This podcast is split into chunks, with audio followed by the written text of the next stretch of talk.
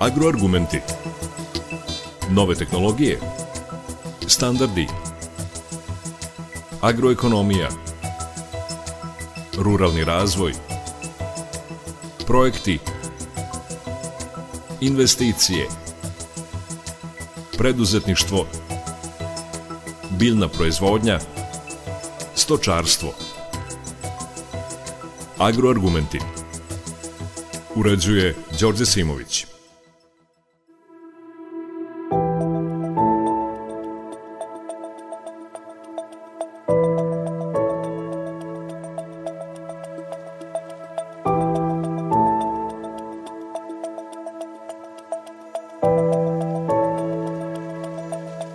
Poštovni slušalci, dobar dan. U današnjoj emisiji govorit ćemo o festivalu vina Interfestu koji je minulog vikenda 20. put održan u Novom Sadu.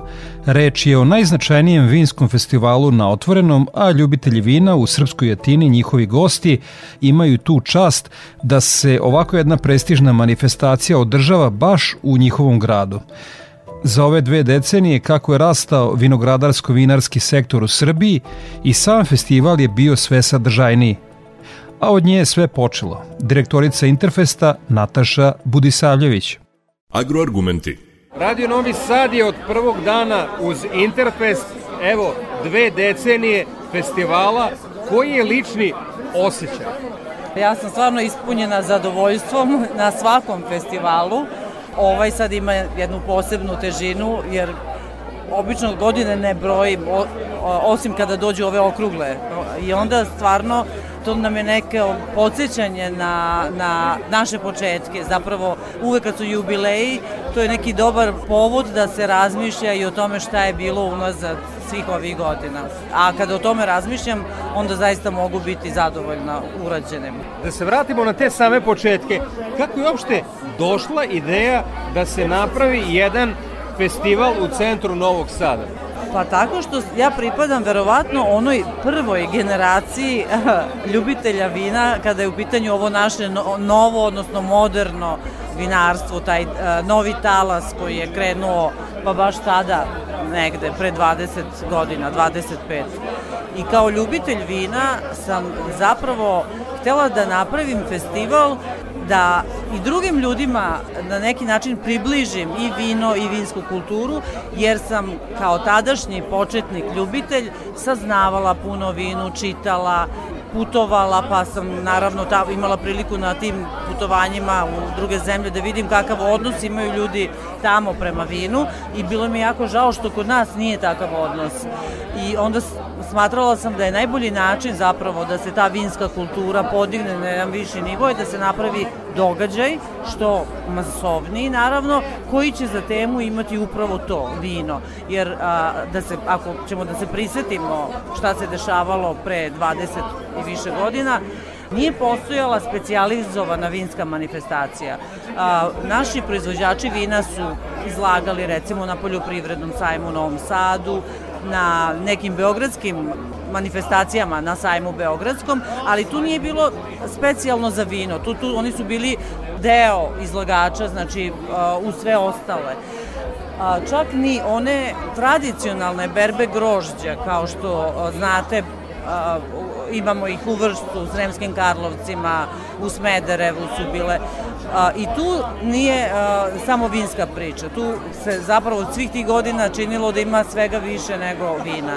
I onda sam jednostavno htela da napravim jednu specijalizovanu manifestaciju gde će vino biti u centru pažnje, gde ćemo dva, tri dana razgovarati samo o vinu, edukovati posetioce i tako iz godine u godinu, evo dođu smo do 20 i mogu vam reći da sam veoma zadovoljna zato što se sećam vrlo jasno a, situaciju u Novom Sadu koju nikako ne bih mogla nazvati vinskom, vinskim Novim Sadom i ovim što je danas, što danas imamo priliku da vidimo. Ovo je stvarno jedan vinski grad i cela Srbija je postala vinska. Dodala bih još, možda su neki zaboravili, da smo tih godina, znači 2000-ih taj početak, imali u Srbiji manje od 50 vinarija ukupno. A, to su bile one društvene firme i tako, sećate se. ovaj, tek su ovi naši mali vinari, tek su krenuli u te, da obnavljaju ta porodične vinograde i, i tu vinsku priču. Tad je zapravo i krenuo taj talas, mada naravno niko od nas nije znao šta će se desiti kakva ekspanzija u ovih 20 godina i zamislite sad da pre 20 godina imate 50 vinarija u Srbiji, a sad imate više od 500. Znači, to je bila ja mogu slobodno da kažem jedna sinergija. Znači, samih vinara koji naravno o, su sami poželjeli da se vrate ponovo vinogradu i, i tom poslu pravljanja vina i nas koji smo a, radili na tome da vino promovišemo i da radimo na, na a, kulturi pijenja vina. A, prvi festival smo zamislili da se dogodi na Ribarcu, ta blizina Dunava, romantično je nekako sve i vezano za vino, činilo nam se stvarno kao najbolje mesto.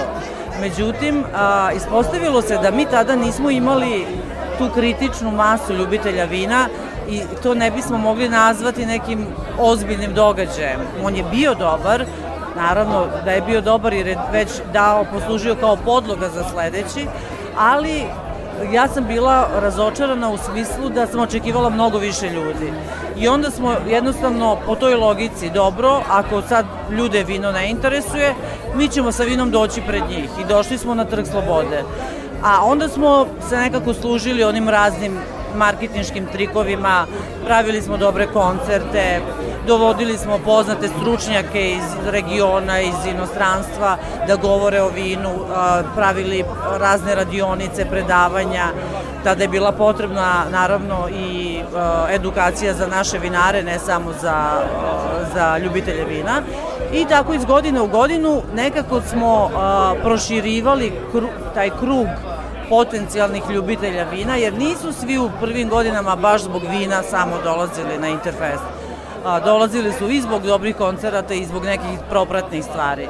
A onda smo u jednom trenutku shvatili da, evo, mislim, kad prolazite kroz festival, hteli ne hteli čujete neke razgovore i onda kad sam shvatila da ljudi sad govore već o vinu, da svi pravilno drže čaše, da se interesuju, pažljivo slušaju vinare, onda sam shvatila da ćemo sad malo da, uh, kako da kažem, smanjimo doživljaj i od tada mi, kao što znate, ne dovodimo nikakve velike zvezde, neka imena, jer zapravo sada je sve u funkciji vina. Znači sad je, uh, mi, svaki od na, naših posetilaca, mislim svaki čovek koji dolazi na Interfest, dolazi zbog vina pod jedan i onda naravno te atmosfere, imamo i, i dan danas imamo sjajnu muziku, ali kažem, nisu nam potrebne nikakve zvezde da bi se ovde na Novosadskom najvećem trgu okupile hiljade ljudi svake večeri. Upravo sam na tome hteo da vam čestitam Dakle, odličan ste napravili muzički program koji je samo blaga nadopuna onoga što je u centru, a to je vino. Tako je, tako je.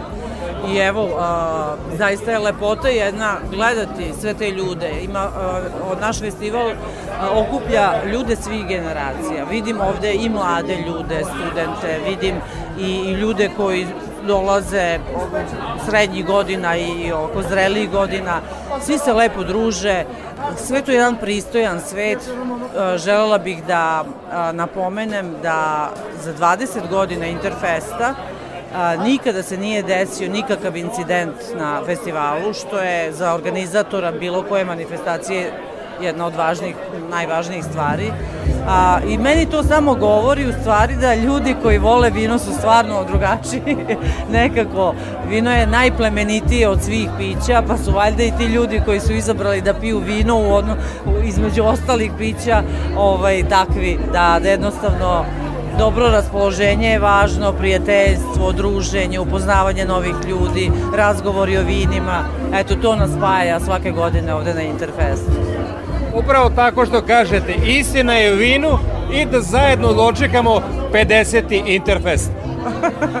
da, da, bilo bi dobro. Uh, pa evo, ja od svake naredne godine očekujem, uh, uvek sam puno očekivanja, očekujem još više. A, nama su ovih godina u fokusu naši domaći vinari, a evo i ove godine smo promovisali Riđicu i njihove vinare. Oni su sad nove zvezde, dobili su silne nagrade na takmičenjima. Novosadski vinski put se osnovao prošle godine. Znači, bit će toga još. Mislim, ja sam sigurna da ćemo mi uvek biti za našu publiku aktuelni, novi, puni iznenađenja. Agroargumenti.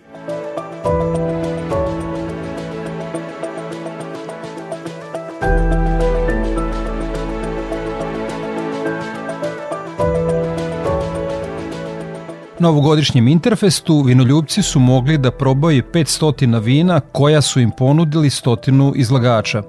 Tradicionalno ovaj festival promoviše porodične vinarije koje neguju pečat podnevlja i vinograde svoje regije, ali i vinarije koje su kroz ovo vreme uspele da izrastu u velika i prepoznatljiva imena na našoj i evropskoj sceni. U današnjoj emisiji čućete troje izlagača sticajem okolnosti iz Vinskog Srema. Ивана Шијачки, винарија Шијачки, Баноштор. Ovo je jubilarni 20. Interfest, ali sigurno bar 15. na kome vinarija Šijački učestvuje. Preskočili smo Interfest samo onda kad baš nismo imali vina, odnosno kad smo ga prerano prodali. Inače mi volimo da se pojavimo u Novom Sadu jer to je naša najveća publika, ali se svake godine uh, iznenadimo koliko novih ljudi na Interfestu upoznamo, koliko novih ljudi proba naše vine i koliko novih ljudi postanu naši stalni kupci u narednim godinama. Uh, atmosfera je sjajna kao što se vidi i čuje uh, jer je prilično gužva. Mi kao izlagači smo izuzetno zadovoljnim posetom. Bilo je posete čak i prethodna dva dana kada je bilo kiše, ali to ljude nije omelo u tome da pronađu vino baš za sebe. Na našem štandu je redovna gužva i čeka se skoro kao i na štandu samog organizatora za prodaju vouchera i čaša, a jedan od razloga je i to što imamo e, neke sorte koje drugi nemaju, pre svega je tu seduša kao autoktona sorta koju imamo samo mi, tako da ona je interesantna, pogotovo strancima, jer danas je nekako najviše stranaca ali je gužva i zbog toga što ljudi e, se opet vraćaju kod nas na štand, kada obiđu okolo, probaju vina, ima ih puno koji se vrate e, da kupe bocu, ponesu kući e, ili prosto da pitaju za kontakt kako bi e, ponovo mogli da probaju naše vina. Aleksandar Savić, Podrum Šukac, Sremska kamenica.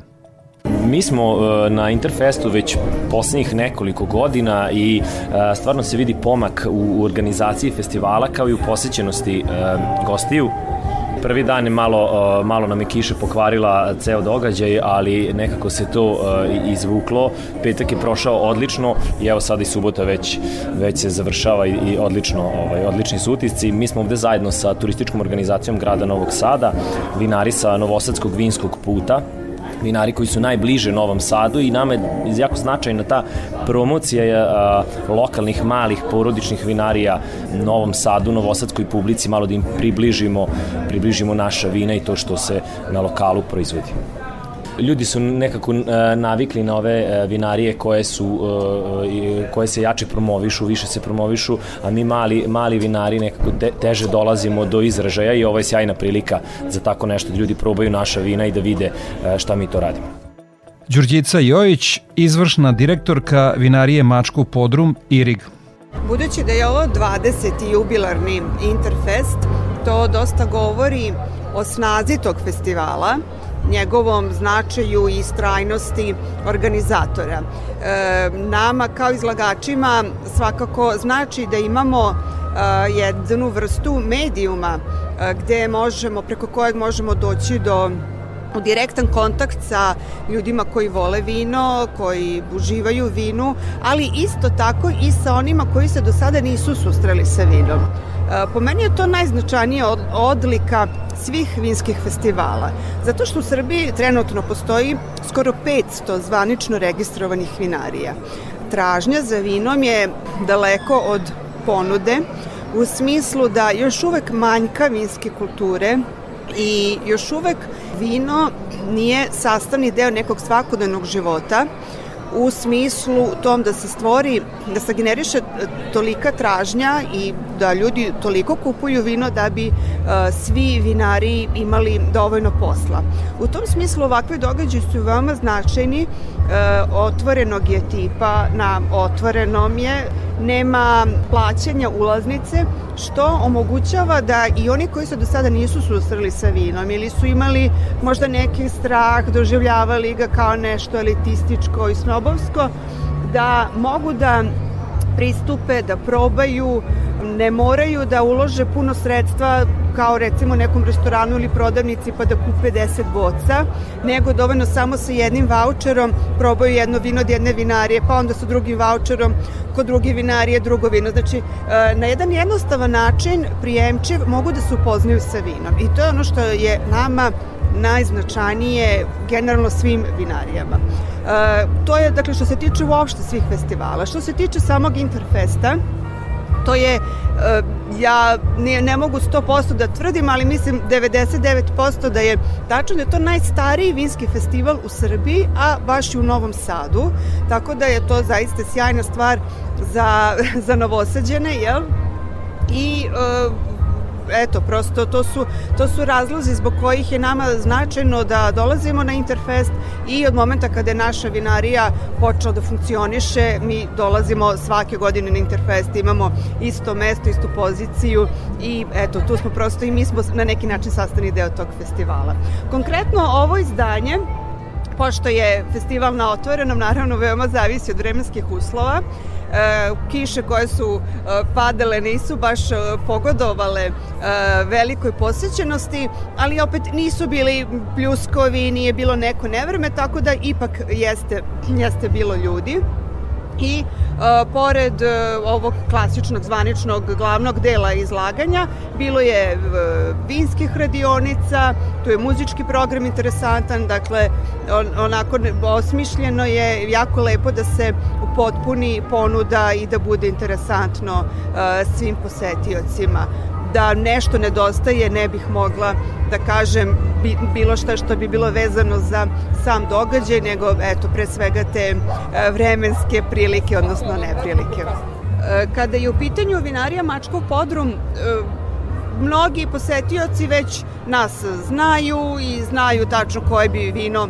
probali, ali oni koji su novi vole da isprobaju, jeli od svega pomalo, mi imamo zaista širok dijapazon, veliku paletu različitih sorti i stilova. Portugizer je ubedljivo najpopularniji i uz njega i Frajla, Rose Frajla isto od Portugizera. Oni koji su na neki način početnici u vinskom svetu više vole e, vina sa više slasti, to je traminac mirisavi, a oni iskusniji Chardonnay i Camerlo. I mi smo o, ove godine posebno ponosni na Camerlo koji je upravo dobio dve medalje, zlatnu medalju na Novosadskom sajmu, srebrnu medalju na Balkan International Wine Challenge-u i čekamo još vesti sa još dva takmičenja pa ćemo videti da li će poneti još neko odličije. Kvalitet festivalima vina svakako podiže i odabrani prateći program. O njihovoj važnosti više smo saznali od predsednice Vinske akademije Srbije Ljubice Radan. Ona je enolog, posjeduje liniju vina pod nazivom Ljubica Radan, a sarađuje sa vinarijom Vojnović iz Begeča koja ima vinograde u Ljubi, u Sremu. Vrlo je važno i mi to već radimo sa, sa Interfestom unazad, ajde ne možda 20 godina, ali sigurno 10 godina unazad. E, pokazalo se jako o, dobro i kvalitetno zato što stvarno kroz godine smo shvatili da ljudima je to potrebno. Potrebno je to neko znanje e, i, e, ljudi su onako dosta bili stidljivi ranijih godina da pitaju za nešto, za, da pitaju na štandovi neki proizvođača ako nešto ne razumeju ili ne znaju koje su tu sorte gruži i tako dalje. Onda ove radionice se pruža onako lepa mogućnost da saznaju nešto novo pa i da pitaju ono ovo što nisu znali e, i svakako da prošire svoje znanje. To je jedna stvar, a druga stvar nekako taj pratići deo je neophodan, mislim da je neophodan za sve vinske festivale, ne samo za ovoj, nego prosto uh, zato što uvek imate neke inovacije u vinarstvu, u vinskom generalnom sektoru i onaj ko prati, ko puno zna, na tim radionicama može opet nešto novo da sazna. Da li je to neka nova tehnologija proizvodnje vina, neka nova sorta ili neka nova vinarija, šta god, ali svakako to je to nešto što je po mom mišljenju uh, neophodno. Novogodišnjem Interfestu upriličena je radionica o slaganju sira i vina. Prijavljene na radionicu organizovanoj u turističkoj organizaciji Novog Sada o tome informisao Nemanja Tomić, vanredni profesor na Departmanu za geografiju, turizam i hotelijerstvo Prirodno-matematičkog fakulteta u Novom Sadu. On je i podpredsednik Vinske akademije Srbije. Pre slaganja sira i vina on nas je podučio o najvažnijem kada je reč o slaganju vina i hrane.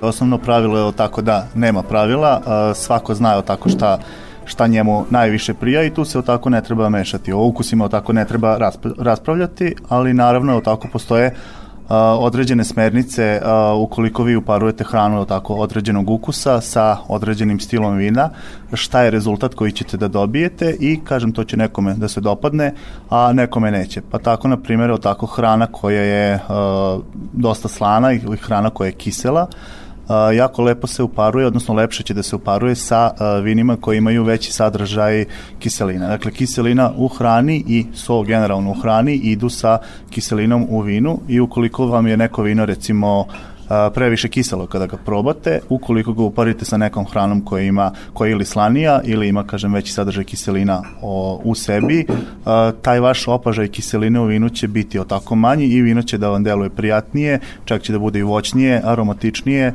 u nekim slučajevima čak i slađe, iako je tako vino, vino potpuno suvo.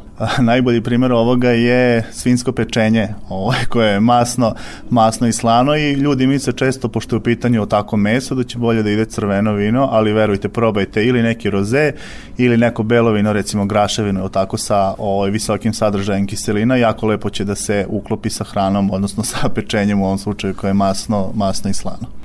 Dalje što se tiče o tako, što se tiče slatke hrane, dakle o, slatkih ukusa kad su u pitanju tako e, deserti, generalno pravilo je slatko ide sa e, slatko ide sa slatkim s tim da uvek mora da se vodi računa da e, vino mora da nadjača o tako tu slatku hranu, dakle da sadrži više šećera, odnosno da bude slađe nego hrana, u suprotnom vino će da vam deluje kiselo. Dakle, čak i slatko vino ovaj, koje nije slađe od nekog deserta, delovaće kiselo zato što će tako kolač, odnosno količina šećera u tom desertu da ga nadjača. Dakle, slatko sa slatkim, kiselo sa kiselim. Takođe što se tiče uh, ljute hrane, to je dakle isto isto specifično. Ljuta hrana i alkohol, visok sadržaj alkohola generalno tako ne idu. Znate, ovaj kada jedete recimo ljute papričice, feferone i popijete jednu rakiju, tako ustavam prosto i čitavo nepce vam uh, gori, ukoliko to volite, naravno, ovaj, možete da praktikujete o tako, tako nešto, ovaj, ali generalno to se ne smatra dobi, do, dobrim uparivanjem i uh, ljuta hrana traži, uh, češće traži o tako vino koji imaju niži sadržaj alkohola, dakle 12, 12,5% da kažem neki maksimum, dakle i ispod toga. I traži dakle, da vino bude slađe, barem polu suvo ili je tako polu slatko ili čak i slatko da bi taj šećer u samoj hrani nadjačao, nadjačao ljutinu, tako da bi, pardon, šećer u vinu, tako nadjačao ljutinu u, u samoj hrani. I još možemo da pomenemo hranu koja je tako previše začinjena, dakle ne ljuta, Ovaj, dakle, ne mislim na ljutinu, nego recimo volite da stavite ovaj, jako puno bosiljka ili nekog drugog začina u, u neko jelo. Dakle, previše začinjena hrana, odnosno jako začinjena hrana traži i jaka vina. Dakle, vina punijeg tela, moćnija, dakle crvena vina koja imaju recimo dosta, dosta tanina i dakle generalno imaju pun, puno telo, jak intenzitet i mirisa i aroma i takva, takva vina mogu lepo da se upare sa začinjenom, začinjenom hranom. Što se tiče crvene, crvenog vina i hrane, rekli smo tako, tu imamo ključan sastojak u crvenim vinima, to su tanini. I kada uparujete takva vina koja imaju puno tanina sa hranom, sa solju će donekle tako da ide ukoliko hrana nije presoljena. Tu ja uvek dajem primere o tako italijanska recimo pršuta San Daniel koja je slana, ali nije pretarano slana kao što ume da bude recimo njeguški pršut ili ovaj neki šunki pršute koje se prave ovde ovaj, u našem podneblju.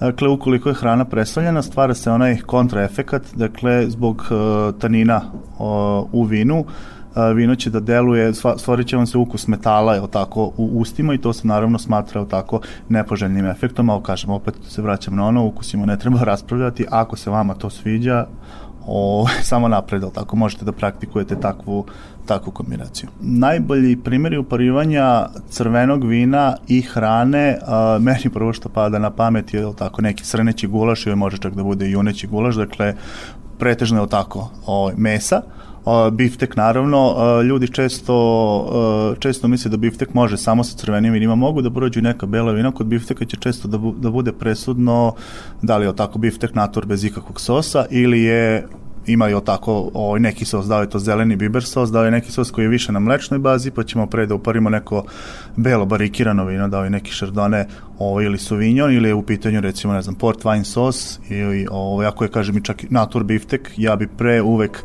preporučio ipak neko crveno vino, da će da bude neka moćna bordo kupaža, da će biti sortni merlo ili cabernet, dakle generalno da uz crvena mesa, ovaj, ili uz gulaše, paprikaše, takva jela ću će uvek mnogo bolje da, da idu crvena, crvena vina. Nadam se da ste sada upotpunili znanje o uparivanju hrane i vina, a sada će nam Nemanja Tomić više reći kako spojiti sireve sa vinom. Dakle, što se tiče o, i generalno ne samo vina i sireva, nego generalno i vina i hrane, dakle uvek poštujte ono pravilo, tako lokalna vina uz lokalnu hranu gde god da se nalazite, da li ste u Francuskoj, Italiji, da li ste o tako u Srbiji, dakle uvek gledate ovaj, da lokalno ide sa lokalnom, jer taj sir koji je proizveden ovaj, na jednom mestu i vino koji je, koji je proizvedeno na istom tom mestu uvek će tako da se dopunjuju, potiču iz iste klime, ovaj, vezani su za, za isti teroar, kako to francuzi vole, vole da kažu i to je jedan od razloga zašto treba poštovati uvek tako lokalno sa lokalnim. Sledeća neka smernica, dakle, mekši i lagani sirevi uvek se lepše uparuju sa vinima koje su dakle laganijeg tela, koja su generalno tako lakša. Da li su bela ili crvena, dakle važi i za jednu i za drugu, da kažem tako boju, dakle lakši sirevi uh, uz lakša vina. Na primer camembert ili brie, dakle francuski sirevi, dakle će da idu uvek uz neki suv šampanjac ili uz recimo šardone, dakle iz inoksa ili ako imamo neki meki mladi kozji sir, klasičan primjer uparivanja je Sauvignon Blanc ovaj, uz, uz takav, takav sir. Dalje što se tiče nekih smernica za, za ove vina i sireve, opet dakle kao što smo rekli lakše, lakše sir uz lakše vino, isto važi tako i što je sir začinjeniji, odnosno što je, pardon, što je stariji, što je više odležao, što je sir zreliji, bolje će da se uparuje sa nekim uh, zrelijim crvenim odležalim vinom koje je tako moćnije, pa na primer uh, tvrdi uh, ili kako neki kažu ekstra tvrdi sirevi kao što je recimo francuski grijer, uvek će lepše da se ovaj, upare sa nekim recimo pinom, sa božoleom, pa čak i sa nekim tako bordo, uh, bordo kupažama. Moja preporuka ovaj za svakoga ko uh, možda čak i ne voli trenutno sir za početak neka proba, neka pronađe tako šta mu, šta mu najviše, najviše odgovara, neka pronađe svoj neki stil, neka pronađe sir tip sira koji mu odgovara i neka pronađe tako tip vina koji mu odgovara i prosto neka istražuje i neka konstantno uči, dakle svi mi koliko god smo poznavaoci ili nismo poznavaoci ili smo početnici, bitno je da se konstantno uči, da se konstantno usavršava i da se uče o, da se otkrivaju tako novi, novi ukusi i nova, nova uparivanja. Upravo tako, kao što nas savetuje Nemanja Tomić, varedni profesor na Departmanu za geografiju, turizam i hotelijerstvo Prirodno-matematičkog fakulteta u Novom Sadu i potpredsednik Vinske akademije Srbije. Testirajte različite kombinacije sira i vina i izgradite svoj ukus. A sve ovo mnogo detaljnije možete naučiti na Vinskoj akademiji Srbije na kojoj vas poziva predsednica Ljubica Radan. Mi e, smo osnovani još 2011, odnosno 2015 smo dobili a, ovaj, licencu Wine and Spirits Education Trust, dakle WSET skraćeno, odnosno postavili smo omogućeni da održavamo obuke najbolje vinske škole na svetu, što znači da a, kod nas na Vinskoj akademiji možete da se obučavate po najvišim svetskim standardima, a, po standardima upravo ove škole da ovaj, po njihovom planu i programu dobijete znanje, kvalitetno znanje naravno i da dobijete e, sertifikate koji su apsolutno priznati i prepoznati u celom svetu, što je vrlo, vrlo važno. E, pored toga, mi imamo i obuke koje su namenjene za ljubitelje vina, Tako da, bez obzira da li ovaj, ste početnik ili samo želite nešto više da znate o vinu, tu nudimo školu vina osnovni nivo i napredni nivo, e, gde zapravo možemo da, ovaj, odnosno svako ko se prepozna da ima više ili manje znanja će svakako ići na odgovarajući kurs. E, I e, ono što smo uveli, što se tiče WC kurseva, tu imamo tri nivoa. E, inače postoje pet, četvrti peti su samo po, po nekim delovima sveta raspoređeni. A što se tiče jednog kursa, to je nešto novijeg datuma, da kažemo već dve godine unazad održavamo kurse za male proizvođače vina i to je nešto što smo mi ovaj, kao akademija videli da je potreba jer vrlo često imamo pitanja, zahteve raznih malih proizvođača i ljubitelja vina koji imaju kućnu radinost ili čak male registrovane vinarije ali prosto nemaju novaca da izdvoju za neke dobre i kvalitetne enologe e, i hteli bi malo više da se upute u celu taj, e, ceo taj proces proizvodnje i onda sam ja došla na ideju sa našim e, profesorom doktorom Vladimirom Puškašem da održimo, odnosno da napravimo jedan takav kurs koji je jako lepo, ovaj, ajde da kažemo, zaživeo, već, već imamo sigurno nekih 7-8 unazad održanih kurseva, e, gde stvarno dolaze e, sjajni ljudi sa ovaj, e, i znanjem i, i, i nekim predznanjem i uopšte bez znanja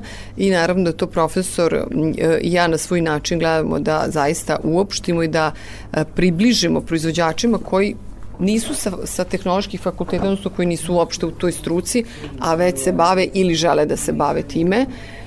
I zaista, zaista se pokazalo kao sjajna stvar, tako da Ovaj, to je nešto novijeg datuma i naravno ono što je uvek aktualno, tu su razne degustacije vina gde uh, Nemanja, kolega Nemanja i ja pravimo onako neke, mi to kažemo, degustacije velikih vina. Odaberemo zaista paletu nekih divnih i stvarno ozbiljnih vina od različitih sorti i onda tematski radimo takve degustacije svako ko, ko bilo koji od ovih kurseva završi, e, pre svega će imati znanje i mnogo će samopouzdanje moći da, da uđe u bilo koju vinsku priču, da li je to vinski turizam, da li je to e, bilo koji restoran, recimo znači ugostiteljski sektor, isto tako će moći da to primeni u nekom svom ličnom, e, ličnom ovaj, poslu, odnosno ako već planira da, da se bavi vinskim turizmom ili već ima neku vinariju pa želi da proširi ovaj, tu neku ponudu, svakako za svim tim znanjem i sa našim sertifikatima apsolutno može. Posebno sa WCT kursima koje, kao, kao što sam već spomenula, e, vrata su otvorena širom sveta i kod nas od ugostiteljskog, odnosno tog e, horeka e, dela do vinskog turizma, ljudi se zapošljavaju po vinarijama gde vode baš taj vinski sektor, kažem ne samo kod nas nego u inostranstvu, dakle baš je široka ovako paleta mesa gde mogu da rade sa, sa ovim sertifikatima.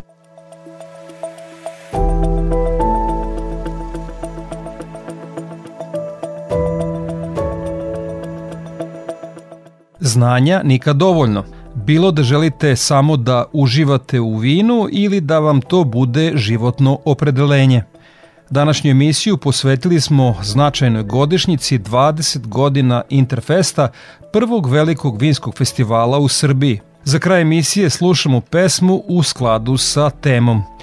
Pesma Red, Red Wine grupe UB40 originalno nije njihova autorska pesma, već je obrada pesme koju je napisao Neil Diamond 1967.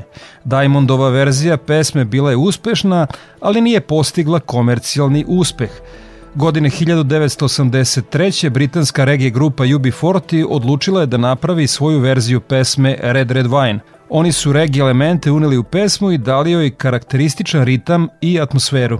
Ova verzija pesme objavljena je kao singl i dospela je na vrhove top lista u mnogim zemljama širom sveta, a grupi UB40 donela je svetsku slavu.